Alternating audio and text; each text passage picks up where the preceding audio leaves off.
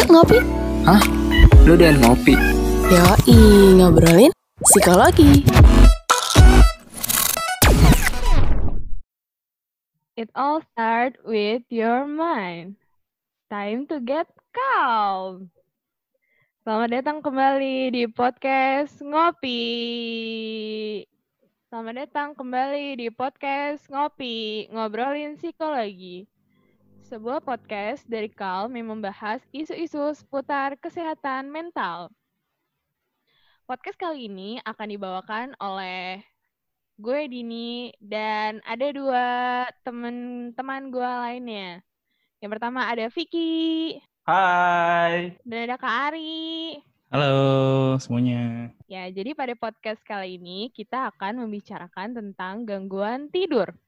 Kak Ari sama Kak Vicky familiar nggak? Eh, Kak Vicky, Kak Vicky familiar nggak sama gangguan tidur? Familiar lah. Eh, Apa aja, Vick? Kira-kira, Vick? Apa tuh gangguan tidurnya? Mm-mm. Apa gangguan tidur ya? Hmm, biasanya sering-sering nggak bisa tidur aja sih malam-malam. Nggak tahu sih faktor apa ya, cuman ya sepertinya ini akan terjadi ke semua orang. Bener. Pernah terjadi ke semua orang. Kalau Kak Ari, kalau Kak Ari, Oh pernah dong, apalagi pas-pas kuliah gitu kan kita pasti sedang semangat-semangatnya mengerjakan tugas kan. Satu hari bisa nggak sih? Lebih dari 24 jam? Nah itu kalau bisa mungkin saya akan request itu. Kalau lu gimana Din? kalau gue, Hmm. Kalau gue biasanya kalau sekarang aja kali ya, kalau lagi di rumah gitu, gue suka nggak tahu waktu sih kayak tiba-tiba main HP, Hmm. terakhir lihat jam 10, tiba-tiba kayak udah jam 2 gitu. kayak, oh my god udah jam 2 guys. Iya sih emang kadang kalau malam-malam gitu kan suka banyak yang dipikirin, banyak yang dilihat di Iya. timeline. Tuh. Bener-bener. Oh, Oke, but anyway, gangguan tidur itu apa sih? Jadi, gangguan tidur itu adalah perubahan pola tidur atau kebiasaan yang negatif yang dapat mempengaruhi kesehatan seseorang. Gangguan tidur ini biasa disebut juga namanya somnipati. Wow. Gue baru tahu sih jujur tuh? somnipati. aku juga baru tahu. ya taunya insomnia doang. Nah, iya, sama. bener. Padahal hipnos eh, eh, hipnosia, insomnia itu tuh eh, bagian dari gangguan tidurnya nggak sih? Iya, salah satu Oh, turunannya gitu tahu. kali ya. Iya kali Hmm. ya. Oke, jadi eh, sebelum kita lanjut nih kira-kira penyebabnya terus a- penyebabnya gangguan tidur itu apa, terus jenis-jenis dari gangguan tidur itu apa juga. Mhm. Kira-kira berapa lama sih seseorang seharusnya menghabiskan waktunya untuk tidur? Mungkin Kak Ari bisa menjawab? Sebenarnya nih bergantung dengan umurnya juga, Din. Kayak anak-anak Hmm. itu sekitar 11 jam per hari, terus remaja, umurnya tuh, remaja tuh berapa sih? Eh, Eh, dari sekitar, SMP kali ya? ya SMP, SMA, sampai hmm, SMP. kuliah awal gitu ya. Awal-awal kuliah. Iya. ah, ah. Itu, Maba lah. ya sampai maba lah. 10, j- eh, remaja itu se- sekitar 10 jam per hari. Sedangkan kalau dewasa itu bisa 7 sampai 9 jam per hari. Makanya ini ya kali ya, anak-anak tuh sering disuruh tidur siang sama Hmm. mamanya. Tapi dulu kalian berdua suka nggak sih susah eh, disuruh untuk tidur siang? Susah. Susah kan? Gue kalau bisa nggak tidur, nggak tidur gue. Kan? Iya. Sekarang nikmat nih, baru terasa saat dewasa. Benar sekali. Kayak alhamdulillah ada waktu buat tidur siang. Iya. Kapan Sama. lagi kita kayak gini? Kerjaan Bener-bener. masih ada tapi eh tidur dulu dah. Iya. Relate, relate banget, relate banget. Oke, kita lanjut ya ke penyebab susah tidur itu apa sih? Jadi tuh ada lumayan banyak ya di sini eh, penyebab susah tidur. Tapi beberapa penyebab susah tidur itu di antaranya ada yang pertama eh, jadwal tidurnya acak karena tidak dijadwalkan. Jadi kita tidur tuh suka-suka kita gitu kan. Hmm. Nggak kayak dulu waktu masih kecil jam 9 malam udah harus tidur sama mama. Cuci Ya. kaki, cuci tangan, gosok Nah. gigi, tidur. Tidur. Ya kan, nggak boleh lebih Iya. dari jam 9. Kalau kita Iya. sekarang suka-suka kita aja sih. Mm-mm. Kapan ngantuknya, di situ tidurnya. Iya, betul betul. Benar sekali. Setuju. Kalau nggak bisa tidur, kalau bisa nggak tidur sampai besok, jabanin dah sebenarnya. Iya Tapi benar. nggak kalau- boleh ya guys. Iya, harus ideal tidurnya. Bener. Kemudian apa lagi nih? Eh, kemudian ada kepanasan atau kedinginan. Eh, misalnya kayak terlalu panas ruangannya atau terlalu dingin AC-nya gitu ya. Hmm, Terus itu juga, juga, ada mempengaruhi kenyamanan kita tidur juga ya. eh, terus ini bisa juga gangguan lain kayak terlalu berisik atau terlalu terang. Makanya kan kadang eh bentar bentar. Kalau Kak Ari sama Vicky kalau tidur biasanya lampunya dimatiin apa dinyalain? Eh, kalau aku tim mati sih. Mati total. Mat- mati dengan sedikit cahaya. Oh, oke. Kalau Vicky Sama sih. Mati mati total juga, cuman eh kadang nggak bener-bener mati gitu. Ada cahaya dikit lah biar bangun nggak kaget. Oh iya sih. Rada serem sih ya kalau mati total. Iya, kayak nggak bisa ngeliat apa-apa gitu. Bang, buset, aku dia ada di mana? Ini di apa? Berikutnya selain apa tuh? Yang pertama ada tidur yang berantakan, kemudian kepanasan atau kedinginan. Eh, berikutnya apa lagi nih penyebab susah tidur? Nah, ini yang paling sering terjadi, eh, at least untuk aku. Nggak tahu ya, Kak Ari sama Vicky. Memikirkan sesuatu yang akan terjadi esok hari.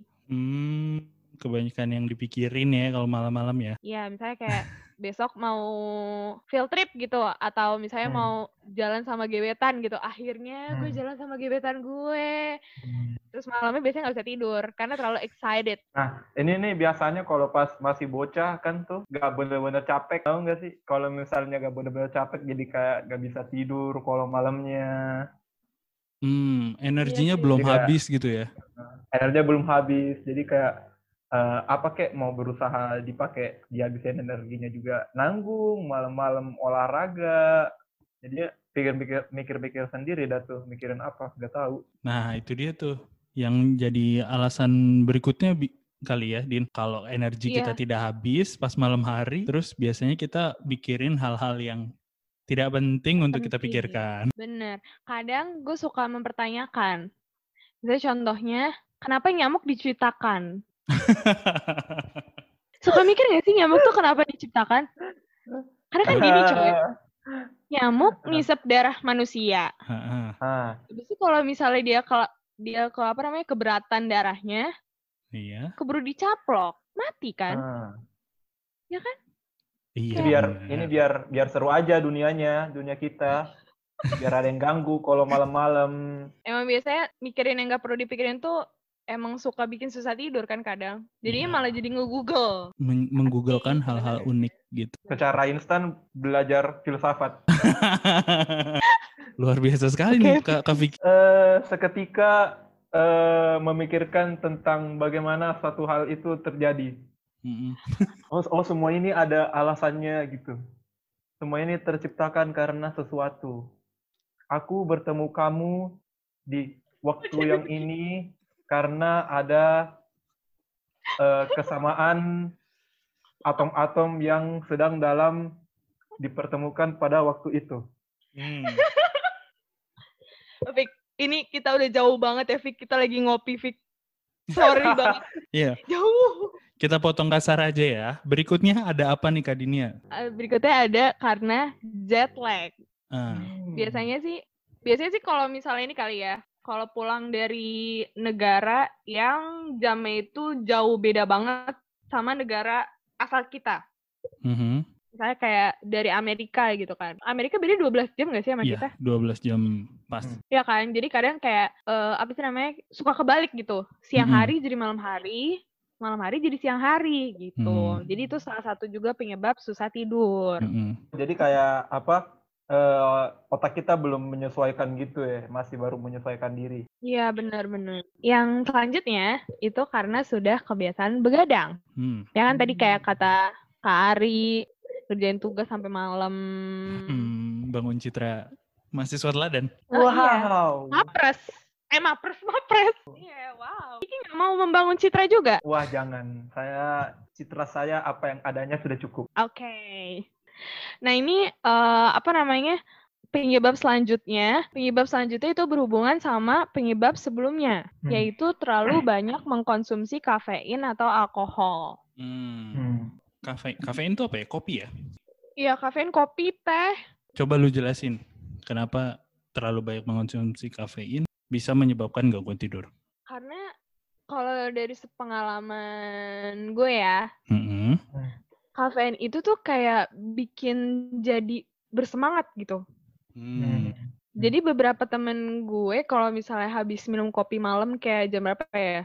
Jam 8 malam ke atas atau jam 9 malam ke atas gitu. Hah? eh, mereka tuh jadi bersemangat untuk mengerjakan tugas, untuk beres-beres kamar kosan kayak gitu. Iya. Oh, ini nih. Sama kayak katanya Bang Haji Roma. Apa Kalau tuh? begadang harus ada artinya. Bener. Oke.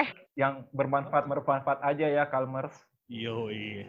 Iya benar-benar harus harus ada ada harus ada tujuannya. Tapi jangan kebiasaan. Selanjutnya, apa lagi nih? Eh, tadi di awal ada jadwal tidur sudah, kepanasan, kedinginan sudah, jet lag, Hmm. pikirin yang nggak penting, begadang, kafein, Minum kopi. minum kopi, alkohol, alkohol juga lah ya. Terus berikutnya apa lagi nih, Kak? eh berikutnya ini sama tadi di awal gue bilang kalau misalnya gue susah tidur karena kebanyakan main HP atau keasikan Hmm. main HP. Ya kan? Main game, kesenangan gitu, lupa waktu. Atau enggak nge-scroll timeline Twitter, keseruan, menemukan yang receh-receh, lupa waktu. Sama ini yang paling eh, gue nggak tahu sih kalau Vicky sama Kak Ari relate apa enggak ya. Aha. Kalau gue biasanya nonton drama Korea. Wah iya. Songhwa idamanku di hospital playlist. Oh my god, Kak Ari nonton itu dong. Iya dong. Wow. Vicky, Vicky. Vicky ngikutin series juga nggak? Aduh, aku sih kak nggak ini, nggak apa namanya, nggak nonton drama Korea. Tertarik, tapi mending nggak usah dulu deh. Kenapa? Ya nanti kalau ada waktu free aja gitu, Ah, waktu free yang panjang gitu. Soalnya takutnya adiktif kan, malah kepikiran terus. ya benar-benar. Malam-malam bukannya jadi pengantar tidur, jadinya malah pembangkit semangat. Nah, Benar-benar. Setuju. Iya, gue juga suka tuh kalau kadang kalau nonton series malah kehilang apa eh, yang tadinya selain kehilangan waktu tidur juga aktivitas juga terpatri di drama drama atau series yang lagi gue tonton gitu sih. Benar. Karena kalau udah selesai itu kayak berasa opong gitu ya. Iya, tujuan hidup tuh kayak aduh, ke mana lagi saya harus Iya gitu. Eh itu soalnya udah kayak jadi apa namanya? eh jadi kebiasaan gitu kan. Iya. Oh, ada tujuan kayak besok besok oh lanjutin ini, besok Iya. Nontonin ini lagi deh. Benar-benar. mungkin Kayak gini-gini. Sudah Jadi menjadi tuh bagian dari hidup kita gitu seriesnya kan. ah, biasanya tuh kayak Apalagi- di apa? Disayang-sayang gitu seriesnya kayak ah satu hari satu oh besok mau rencana ini oh tambah satu episode lagi mungkin ah bisa lah ya Tapi kalau drama itu tentang pembunuhan. Itu tuh Wah, gak bisa sih. Gue harus selesain saat itu juga. iya, penasarannya gila banget sih itu. Ya kan? Makanya Ya, itu juga yang bikin gue jadi sus, begadang. sus apa suspense-nya itu memancing kita untuk nonton lagi Bener, setuju banget, Vic. Din masih ada lagi nggak nih apa yang menyebabkan kita susah tidur Nah, penyebab terakhir, eh, kenapa banyak orang susah tidur itu adalah karena stres. Atau orang tersebut itu menderita depresi eh, dan atau gangguan kecemasan, dan juga yang terakhir menderita gangguan tidur. Hmm, Gitu. ya stres tuh jadi pemicu segalanya ya. Selain Bener. mungkin awalnya stres terus gesernya mengganggu aktivitas karena terlalu sering cemas terus kemudian menderita gangguan tidur. oh ini lanjut sama kayak overthinking yang tadi nggak sih kan Mm-mm, stres jadi memang mikirin banyak-banyak hal gitu betul betul. jadi kayak kalau misalnya seharusnya tidur malah karena stres eh connect ke beberapa masalah lain kayak jadi tidak tidur. Oh iya kalau misalnya kita tidur tuh emang harus matiin lampu nggak sih? Balik lagi sama pertanyaan yang tadi. Jadi nih, Vic, menurut sumber-sumber yang gue search di internet dan dari berbagai macam su- sumber gitu kali ya, faktanya hormon tidur atau yang biasa disebut hormon melatonin itu diproduksi tubuh pada malam hari atau jika di luar gelap. Misalnya ruangannya gelap gitu ya. Terang atau cahaya dari lampu ataupun dari sinar Hmm. matahari itu bisa mengurangi produksi melatonin. Jadi disarankan kalau misalnya tidur itu lampunya either dimatiin secara full, Mhm. mati total, atau eh, sediain lampu yang cahayanya nggak terlalu terang gitu. Kayak redup-redup gitu. Remang-remang gitu kali ya, kalau kata Hmm. orang kali ya. Tapi ini lanjut di ini enggak sih? Tergantung dari kenyamanan lagi enggak sih?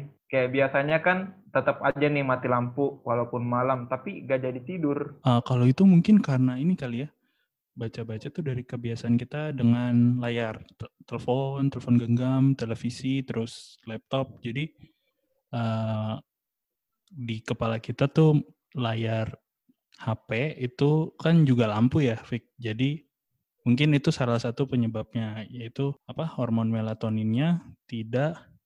Benar sekali. Nah, berikutnya nih, kita kan tadi udah ngomongin penyebab susah tidur, terus ideal tidur. Tapi kita mungkin harus tahu juga nih, eh, akar dari obrolan kita nih, gangguan tidur. Gangguan tidur itu apa aja sih gangguan tidur? Kayak mungkin di awal tadi udah disebutkan salah satunya insomnia. Berikut selain itu, ya kan? Benar, selain itu insomnia. apa lagi nih? Oh, selain insomnia ada lagi, Kak. Ada, Fik. Ada banyak. Nggak banyak sih, cuman ya lumayan. Apa tuh? Jadi ini ada yang dinamakan sleep paralysis. Semoga pronunciation gue bener Sleep ya. paralysis nggak sih? Ya, oh iya ternyata pronunciation aku salah. Oke, Stre- Sleep, sleep eh, paralysis. sleep Hmm. paralysis. Tapi biasanya kalau kita ya, kalau masyarakat awam itu lebih familiar sama yang namanya ketindihan. Oh. Ya kan? Kalian tahu kan Iya, biasanya itu? tuh kayak kita apa ya bangun tapi nggak bisa gerak gitu ya. Sering disambung-sambungin sama kayak Bener. hal-hal gaib gitu, kayak diapain sama makhluk-makhluk halus lah. Bener banget. Makanya efeknya itu memunculkan rasa takut Hmm. dan cemas, ya kan? Gejalanya sama sih tadi yang kayak tadi Kari bilang gitu, kayak eh apa namanya bisa bangun tapi nggak bisa bergerak gitu.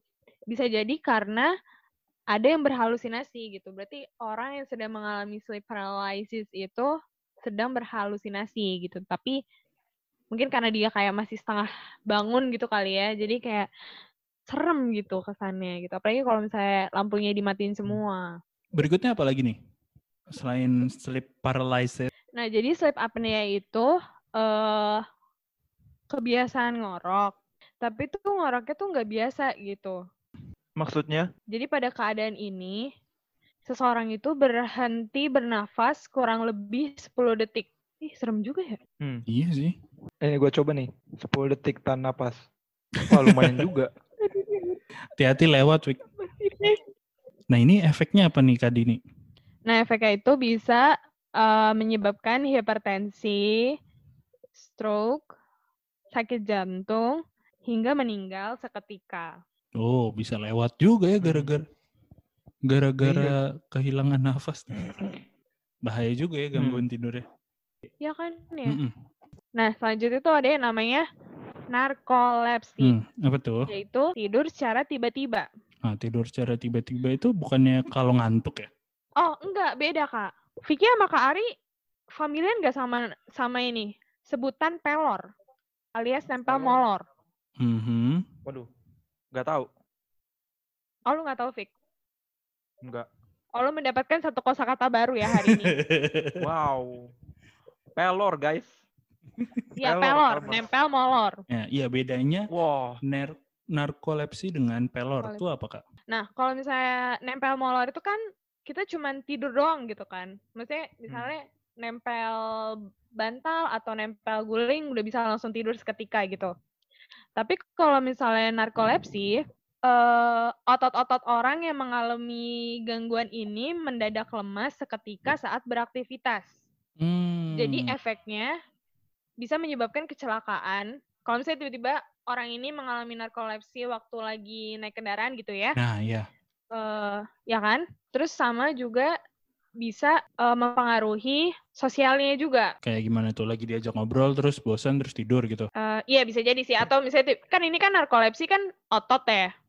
Mm-mm. Jadi kan kita kadang nggak bisa mengendalikan otot kita gitu kan. Hmm. Jadi bisa tiba-tiba kayak misalnya diajak ngobrol terus dia kayak tidur gitu habis itu gitu. Oh ini cuman buat narkolepsi aja ya. Kalau misalnya orang normal diajak ngobrol tiba-tiba tidur nanti jadi namanya gak sopan. Gak salah sih, Fik. Eh Din, nih sebenarnya Hmm. narkolepsi ada teman kita loh, salah satu teman kita narkolepsi. Oh, Eh, iya? ang- satu angkatan di atas kita. Siapa? Nah, eh, namanya nggak usah disebutkan, tapi dalam pernah satu kelas kita beraktivitas sama-sama, tiba-tiba langsung jatuh dari kursinya gitu, langsung tidur. oh, Jadi kayak ya itu kelihatannya lumayan sakit sih, tapi eh, narkolepsi biasanya kalau misalnya kita udah dalam ruang kelas kan nggak mungkin kita nggak tolong juga. Untungnya kalau misalnya salah satu nih tips buat Calmers, kalau misalnya ada orang yang tiba-tiba kena narkolepsi, tiba-tiba kolaps tidur gitu, mm-mm. eh, kita bisa bantuin untuk eh, perbaiki posisinya. Jadi kayak tiba-tiba jatuhnya kan tuh kita nggak tahu posisinya kayak gimana. Biasanya sih posisinya eh, rada nggak normal gitu ya. Cuman dalam keadaan tidak sadar. Jadi kita bisa kayak tolong sandarin di tembok atau misalnya kita bantu eh, tidur dengan baik. Misalnya kasih bantalan di kepalanya pas lagi baring. memperbaiki posisi tidur gitu loh ya. pertama. Iya, kita Bener, salah bener, bener. satu pertolongan pertama buat teman-teman juga kalau misalnya mendapatkan orang yang tiba-tiba tidur cara tiba-tiba, nah bisa tuh melakukan seperti itu. Menarik sekali nih infonya di luar skrip tapi sangat insightful. Jujur gue juga baru tahu itu. Kaget gue. lagi lagi nih. Bisa bisa ngakak, bisa insightful juga. Oke, Selanjutnya, ada apa nih Kak Ari? ada yang namanya parasomnia. Parasomnia apa tuh? Parasomnia itu dicirikan eh, dengan adanya mimpi buruk, terus kebiasaan sleepwalking, bahkan sampai sleep eating. Ya, sleep eating. Yang ini gak sih kayak tiba-tiba? Tiba-tiba makan. iya, tiba-tiba udah di depan kulkas. Oh, gua tuh kayaknya. Oh, bakat juga nih Sumpah. tidurnya. Oh, tapi nggak sadar. Ya, Gak sadar dia gak sadar. Kalau kita kayaknya tiba-tiba lapar aja malam-malam. Itu mah lo, Fik.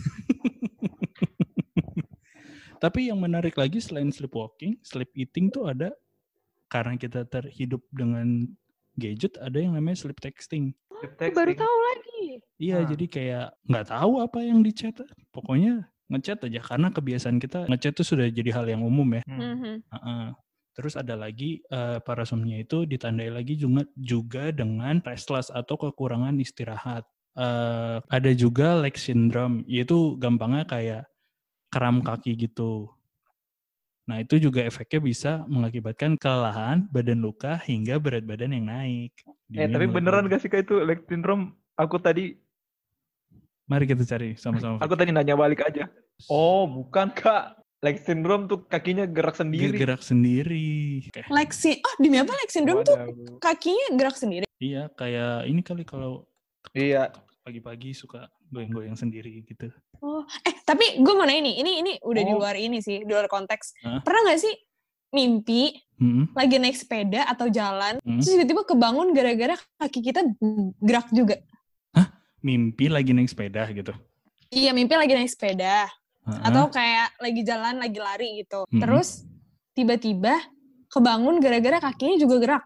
Karena gue, Mm-mm. karena aku pernah kayak gitu. Biasanya itu kalau misalnya kecapean atau kalau lagi sakit. Ah, bisa jadi ya, kan karena kayak tadi di awal tuh eh, kurang istirahat atau badan lagi sakit gitu, beda- kondisinya lagi nggak prima, terus antara Iya. mimpi dengan kehidupan nyatanya suka bercampur gitu. Iya, nggak ada Oh, barriernya sangat gitu. ini ya. Penyakitnya sangat trendy sekali ya, ikut sepedaan juga gitu Iya, dalam ngikutin hidup. tren Jadi kayak, banget itu penyakitnya ya. Iya, pagi-pagi nggak cukup naik Iya. sepeda, malamnya naik sepeda juga. Iya, Dalam mimpi. lewat mimpi. Oh ini masih ada lagi nggak gangguan tidurnya? Nah, untuk sesi pada episode kali ini, yang terakhir itu ada yang namanya hypersomnia. Yaitu tidur berlebihan meskipun sudah tidur cukup, bahkan bisa lebih dari berapa lama seseorang itu tidur. Ya tadi kan di awal kita udah kasih tauin tuh uh, info mengenai biasanya tuh berapa lama sih uh, anak-anak, remaja, dewasa itu tidur. Nah, jadi orang yang mengidap hypersomnia ini uh, tidur itu terlalu berlebihan gitu. Misalnya kita kan dewasa nih. Kita tadi berapa sih maksimalnya? 9 jam ya? 9 jam kalau dewasa. Nah, iya 9 jam. Nah, seseorang yang uh, apa namanya mengidap hypersomnia itu nggak uh, merasa 9 jam itu cukup untuk tidur. Jadi mereka tuh butuh lebih dari 9 jam untuk tidur. Jadi hmm. efeknya itu uh, pada pola tidurnya jadi kacau, terus produktivitasnya juga menurun. Habis itu juga dapat membuat yang mengalami hypersomnia ini melewati banyak hal. Misalnya waktu-waktu mm -hmm. penting atau berita-berita penting, jadi kayak tiba-tiba nggak catch up gitu. Dan secara langsung kayak uh, apa sih namanya mempengaruhi kehidupan sosial mereka nggak sih? Masuk akal sih dengan kekurangan tidur gitu ya. Eh kebanyakan tidur. Kelebihan. Oh ya, kalau misalnya kebanyak kelebih kekurangan tidur tadi juga masalah, kelebihan tidur juga masalah. masalah. Mm -mm. Jadi sesuatu yang terlalu apa sih nih berlebihan itu memang tidak baik guys. Emang harus cukup ya. Yo, ya kan? kayak lagu wow. ya. Apa lagu apa eh, ya? Kata-katanya Karate Kid. apa tuh? Eh, iya. Ada kayak gitu dah. Deh, bilang dong. Kayak kata-kata kita ini. Gak boleh setengah-setengah, Vicky. Ada mas, itu gue, gue, gue udah lupa kata-katanya ya. Mm -hmm. Oke. Okay. Bentar. Okay. Tapi gimana sama orang-orang yang sudah apa ya, sudah berbakat untuk tidur gitu? Atau kayak sobat-sobat nokturnal gitu yang memang jam tidurnya sudah kebalik atau biasanya oh. kalau istilah ilmiahnya kita sebut dengan night owl. Iya, kalau misalnya bahasa kita sehari-hari kalong. Ah, ya betul betul. Manusia kalong ya. Manusia kalong. Nah, jadi uh, kalau misalnya manusia kalong ini adalah sebuah istilah untuk orang-orang yang merasa lebih kreatif dan produktif hmm. di malam hari. Hmm. Meskipun ya. jam aktif atau jam kerja resminya itu ada di pagi hari sampai sore hari, kayak 9 to 5 gitu kali ya. Kalau misalnya ya, kita jam kerja. Iya, kalau kita kerja WFO gini, karena kan kita sekarang hmm. WFH nih. Tapi menjadi manusia kalong itu juga berdampak buruk pada kehidupan lo. Contohnya, hmm. jadi sering telat, ya kan? Karena hmm tidurnya kebalik gitu. Uh, maksudnya bukan tidurnya kebalik ya, tapi maksudnya jam tidurnya kebalik gitu ya. Oh iya, betul. Terus dia karena telat akhirnya jadi sering terburu-buru. Habis itu jadi mengantuk seharian. Nah, karena ngantuk seharian akhirnya uh, tugas atau kerjaan yang diberikan di kantor atau tugas-tugas yang dikasih sama dosen gitu. Jadi nggak kelar di jam kerja, yaitu di jam 9 to 5 hmm. ini. Selain itu juga jadi sering cekcok sama orang-orang yang memang morning person atau early birds katanya mah nah. gitu. Nah kalau misalnya Kari sama Vicky night owl atau early birds atau bisa jadi keduanya? Bentar nih. Tadi kan manusia kalong, manusia kalong berarti hmm. manusia kelelawar. Batman. Bukan. Oh, gue kira kirain, mau ke situ. Kirain salah, bukan. Kirain salah satu penggemar band indie yang sekarang. Apa? Hindia? Penggemarnya Fish. Kan kelelawar. Oh, oh. Fish itu. Iya, iya, iya. Kan nama iya. fansnya Fish kan kelelawar. Bukannya aktivis ya? Eh, itu itu yang ngurus di belakang stage, Kak. Oh iya. Aktivis, iya, iya, iya. ketukar, ketukar. Oh, Anda jadi tak bisa mengalahkan saya manusia indie. Yo, sobat indiku. Sobat indie. Lo suka siapa di Twice? Bro, gue itu dengerin semua. Kayak gue dengerin apa hard rock gue dengerin death metal gue dengerin Twice gue dengerin J-pop gue dengerin K-pop gue dengerin indie gue dengerin ya? pop. Iya itu kita nggak boleh menikmati segala apa yang diberikan oleh Tuhan kita. Kita diberikan telinga kita dipakai dengar semua hal-hal yang bisa kita dengar bangga Oh ya, gue mau tambahin lagi nih early birds. Oke. Okay. Nah, oh, soalnya kayak early birds itu kan eh, pagi-pagi otaknya udah jalan, jadi kayak tujuan utamanya buat kerja. Sedangkan yang naik owl waktu udah wak- baru waktunya untuk tidur jadi kayak gak nyambung gitu loh Benar, benar. Eh, BTW, kalian belum jawab pertanyaan gue loh. Kalian ini tuh? termasuk yang night owl atau early birds? Atau mungkin keduanya?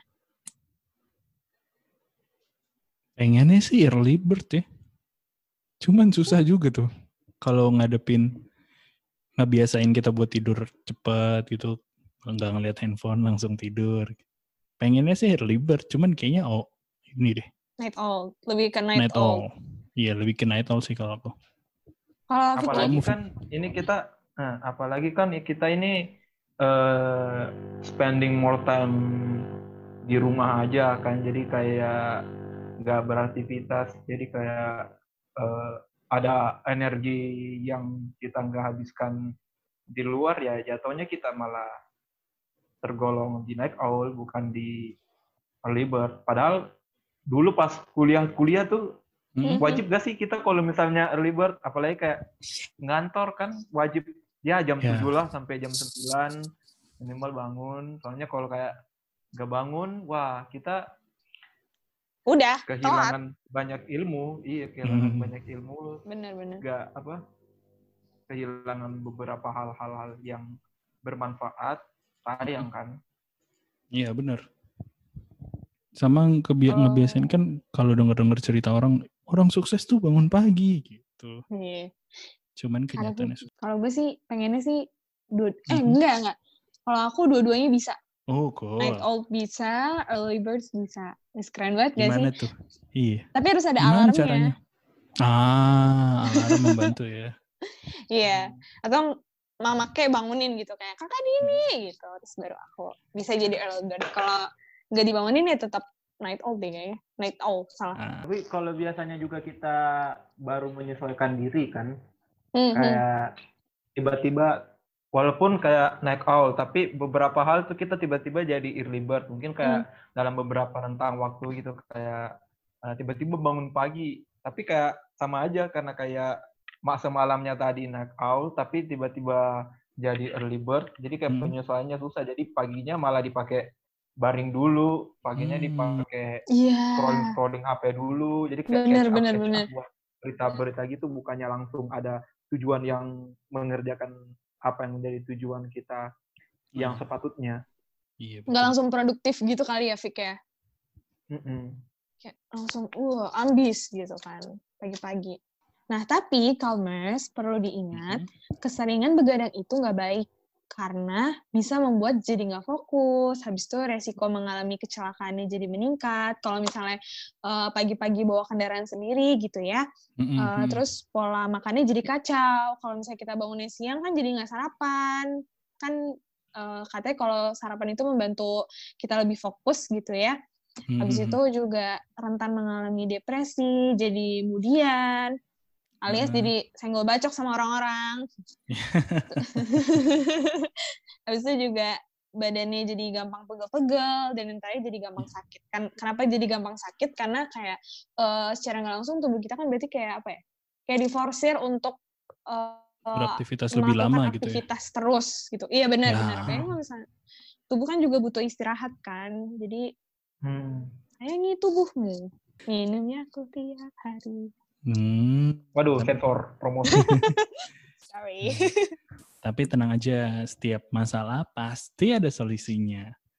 ah, kayak gimana tuh solusinya? Nah, gini nih, tips-tips tidur dari Calm, eh, tips untuk Hmm. tidur nyenyak dari Calm, yang mungkin bisa diikuti oleh Calmer semua untuk meminimalisir kebiasaan begadang secara perlahan. Yang pertama Hmm. ada buat jadwal tidur dan berusaha untuk mengikuti jadwalnya. Seperti di awal dibilang kalau eh, salah satu penyebab kita tidurnya tidak baik adalah jadwal tidur yang Berantakan. yang berantakan. Terima kasih. Hmm. Iya. Terus Nah. yang kedua itu eh, pakai baju tidur ternyaman yang Calmers punya. Saya pakai eh, piyama atau pakai celana pendek, pakai ya udah pokoknya intinya pakai baju tidur ternyaman yang Calmers punya. Oke. Terus selanjutnya juga eh, bikin kamar senyama- senyaman mungkin. Misalnya nyalain lilin aromaterapi atau semprotin pewangi ruangan yang menenangkan wanginya atau yang sekarang lagi hits itu uh, nyalain diffuser yang apa sih namanya yang lilin apa sih eh bukan lilin uh, apa sih namanya aduh Mesin, mesin. essential uh, essential essential oil nah iya itu Mantap. Fasih ya. Eh, wow British sorry Oh ini essential oil berarti kayak minyak kayu putih, minyak tawon juga bisa tergolong ke dalam situ kan? Em, saya tidak bisa membenarkan ya, tapi itu bisa dipakai tuh minyak kayu putih di apa namanya Iya. di apa sih namanya? Ini apa sih namanya? Pergelangan tangan. Nah, iya di pergelangan tangan. Kalau misalnya dirasa minyak kayu putih, minyak tawon itu bisa menenangkan, bisa dipakai. Yang penting kamarnya senyaman mungkin atau selimutnya di eh, apa sih namanya? di posisiin yang enak. Habis itu gulingnya, bantalnya gitu. Terus selanjutnya ada apa, Fik? Nah, selanjutnya itu ada atur napas dengan teknik 478. Bentar, kenapa tiba-tiba gua 478 ini 478 apa, Bro? Oh, kalau nah buat teman-teman yang nggak tahu, eh, mengatur napas dengan teknik 478 itu adalah 4 detik tarik nafas, 7 detik menahan nafas dan 8 detik menghembuskan. Mungkin bisa dicoba Oh, gitu. tekniknya. Itu Iya kan? kalau di aku, di aku cukup pengaruh sih. Oh iya, Hmm. Hmm, sangat jadi lebih sangat tenang sik- gitu ya, Kak? Jadi ngantuk. Oh. Akan aku coba. Oh, soalnya pernapasannya relaksasi gitu ya, Kak. Mm-mm. Membuat nyaman. Secara apa Hmm. ya? Jadi lemas terus mengantuk gitu. Oh, ini Hmm. apa? Jadi pernapasannya plong gitu, perasaannya plong gitu. Iya, tubuh tuh jadi kayak apa ya? Kayak mungkin karena eh, kita kan ritme nafasnya biasanya satu dua satu dua gitu. Ini dengan Hmm, empat hmm, hmm. terus ditahan di di tujuh itu kan bikin capek. Terus Hmm. ngantuk. Oh. Boleh nih dicoba nih Kalmar, siapa tahu aja eh, ada yang mungkin lebih sering memakai teknik nafas 1212 bisa dicoba nih yang 478 siapa tahu aja jadi gampang ngantuk kan berikutnya berikutnya itu rutin olahraga setiap hari ini bisa Hmm. dilakuin setelah pulang kerja atau misalnya pagi-pagi sebelum eh, sebelum kerja gitu ya Eh, pokoknya kalau bisa jangan sebelum tidur karena kalau misalnya Hmm. sebelum tidur malah jadi wide awake gitu jadi susah lagi tidurnya nanti Oke. Baiknya nih kayak mengatur jadwal juga buat apa? Buat olahraganya. Tahu-tahunya nanti Mm-mm. kalau misalnya pulang kerja sudah cukup capek, eh, pulang kampus sudah cukup capek, kan itu sebenarnya sudah menjadi pendorong juga buat kita tidur, tidur, buat nah, mungkin gak usah bukan gak, ya mungkin gak usah olahraga kalau misalnya di perasaannya lumayan capek, lumayan sudah pas buat tidur. bener bener Eh, mungkin kayak lebih ke ini kali ya, Fik. Yang penting rutin olahraga setiap minggu nggak sih? Kayak Betul, dua betul. kali satu minggu atau tiga kali satu minggu gitu. Yang penting tetap, Jadwal. iya dijadwalin aja.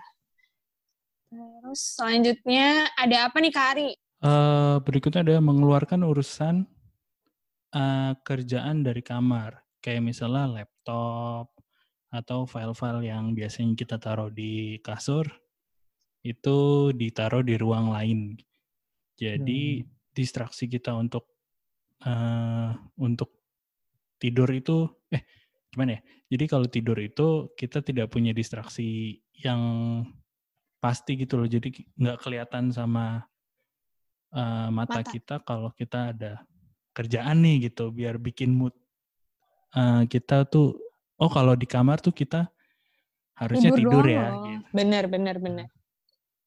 Ini bener sih. Sebenarnya kayak biasa tuh kayak eh, makanya tuh beberapa orang yang mungkin memiliki di rumahnya ada kelebihan kamar. Nah, itu ada kayak kamar tidur sama ruang, Ruang kerja. kerja. Mm-mm. Nah, Nah, ya. apalagi kan kayak kan kita nggak bisa serius kan tuh kalau misalnya eh, ngerjain sesuatu di kasur misalnya. Mhm. Walaupun sih enak dan santai gitu, cuman lebih mendorong kita untuk bermalas-malasan daripada serius mengerjakan pekerjaan. Pokoknya intinya kayak apa ya? Kayak ngejauhin aja gitu alat-alat atau barang-barang yang berhubungan dengan kerjaan atau tugas-tugas. Yang penting kita kayak bisa tenang, nafas sebentar gitu buat tidur.